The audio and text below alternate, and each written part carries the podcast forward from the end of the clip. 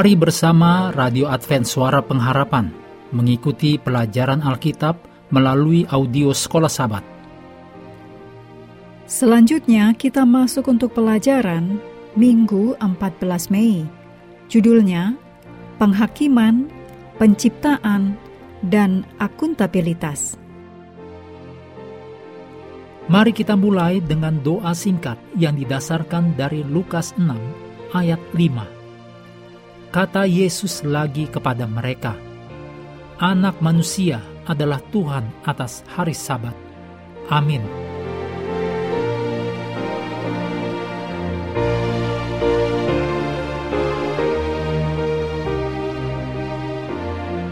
Jika kita hanyalah kumpulan sel yang terbentuk secara acak, hanya produk kebetulan dan adalah kera Afrika, tidak lebih, maka hidup tidak memiliki banyak arti jika kita hanyalah salah satu dari 8 miliar orang yang saling mencakar satu sama lain untuk ruang hidup di planet yang disebut bumi, kehidupan kehilangan tujuannya, selain sekedar bertahan hidup.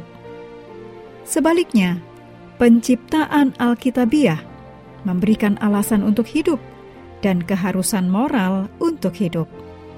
Kita diciptakan oleh Tuhan dan bertanggung jawab kepada Tuhan atas tindakan kita. Tuhan yang menciptakan kita meminta pertanggungjawaban kita.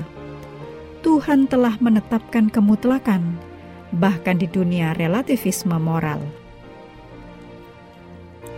Wahyu 14 ayat 7, Roma 14 ayat 10, juga Yakobus 2 ayat 8 sampai 13.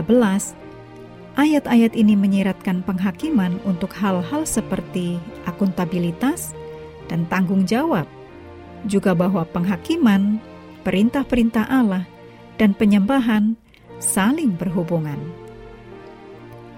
Pekabaran dari tiga malaikat yang terbang di tengah-tengah langit dalam Wahyu 14 mengumumkan bahwa telah tiba saat penghakimannya. Itu di ayat yang ketujuh. Karena kita diciptakan oleh Tuhan dengan kapasitas untuk membuat pilihan moral, kita bertanggung jawab atas keputusan yang kita buat. Jika kita hanyalah kumpulan sel acak, produk dari keturunan dan lingkungan kita saja, tindakan kita sebagian besar akan ditentukan oleh kekuatan yang bukan atas kendali kita. Tetapi, penghakiman menyiratkan tanggung jawab moral. Dalam jam krisis sejarah bumi ini, jam-jam penghakiman, Allah memanggil kita untuk membuat keputusan dalam terang kekekalan seruan malaikat pertama yang sungguh-sungguh untuk sembahlah dia yang telah menjadikan langit dan bumi dan semua mata air. Ini mengakui bahwa dasar dari semua penyembahan adalah fakta bahwa kita diciptakan oleh Tuhan. Sementara itu, penurutan kita pada sabat hari ketujuh menunjukkan keyakinan kita bahwa Yesus layak disembah sebagai pencipta kita ini mengungkapkan penerimaan kita terhadap hukum sepuluh perintah Allah sebagai prinsip-prinsip yang diilhami ilahi agar menjalani hidup sepenuhnya. Karena hukum adalah dasar pemerintahan Allah dan sebuah penyataan dari karakter Allah, maka hukum itu menjadi standar penghakiman. Kesetiaan kita pada perintah Sabat adalah pengakuan pada komitmen kita untuk menghidupkan kehidupan yang menurut.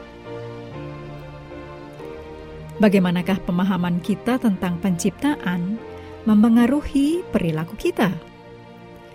Apakah hubungan keturunan dan lingkungan dengan pilihan yang kita buat setiap hari? Dengan kasih karunia Tuhan, kita dapat mengatasi cacat karakter yang tidak kita pilih sejak awal. Mengakhiri pelajaran hari ini, mari kembali ke ayat hafalan dalam Efesus 3 ayat 9. Dan untuk menyatakan apa isinya tugas penyelenggaraan rahasia yang telah berabad-abad tersembunyi dalam Allah yang menciptakan segala sesuatu. Kami terus mendorong Anda mengambil waktu bersekutu dengan Tuhan setiap hari bersama seluruh keluarga melalui renungan harian, pelajaran Alkitab sekolah sabat, juga bacaan Alkitab sedunia, percayalah kepada nabi-nabinya, yang untuk hari ini melanjutkan dari Mazmur pasal 8. Kiranya Tuhan memberkati kita semua.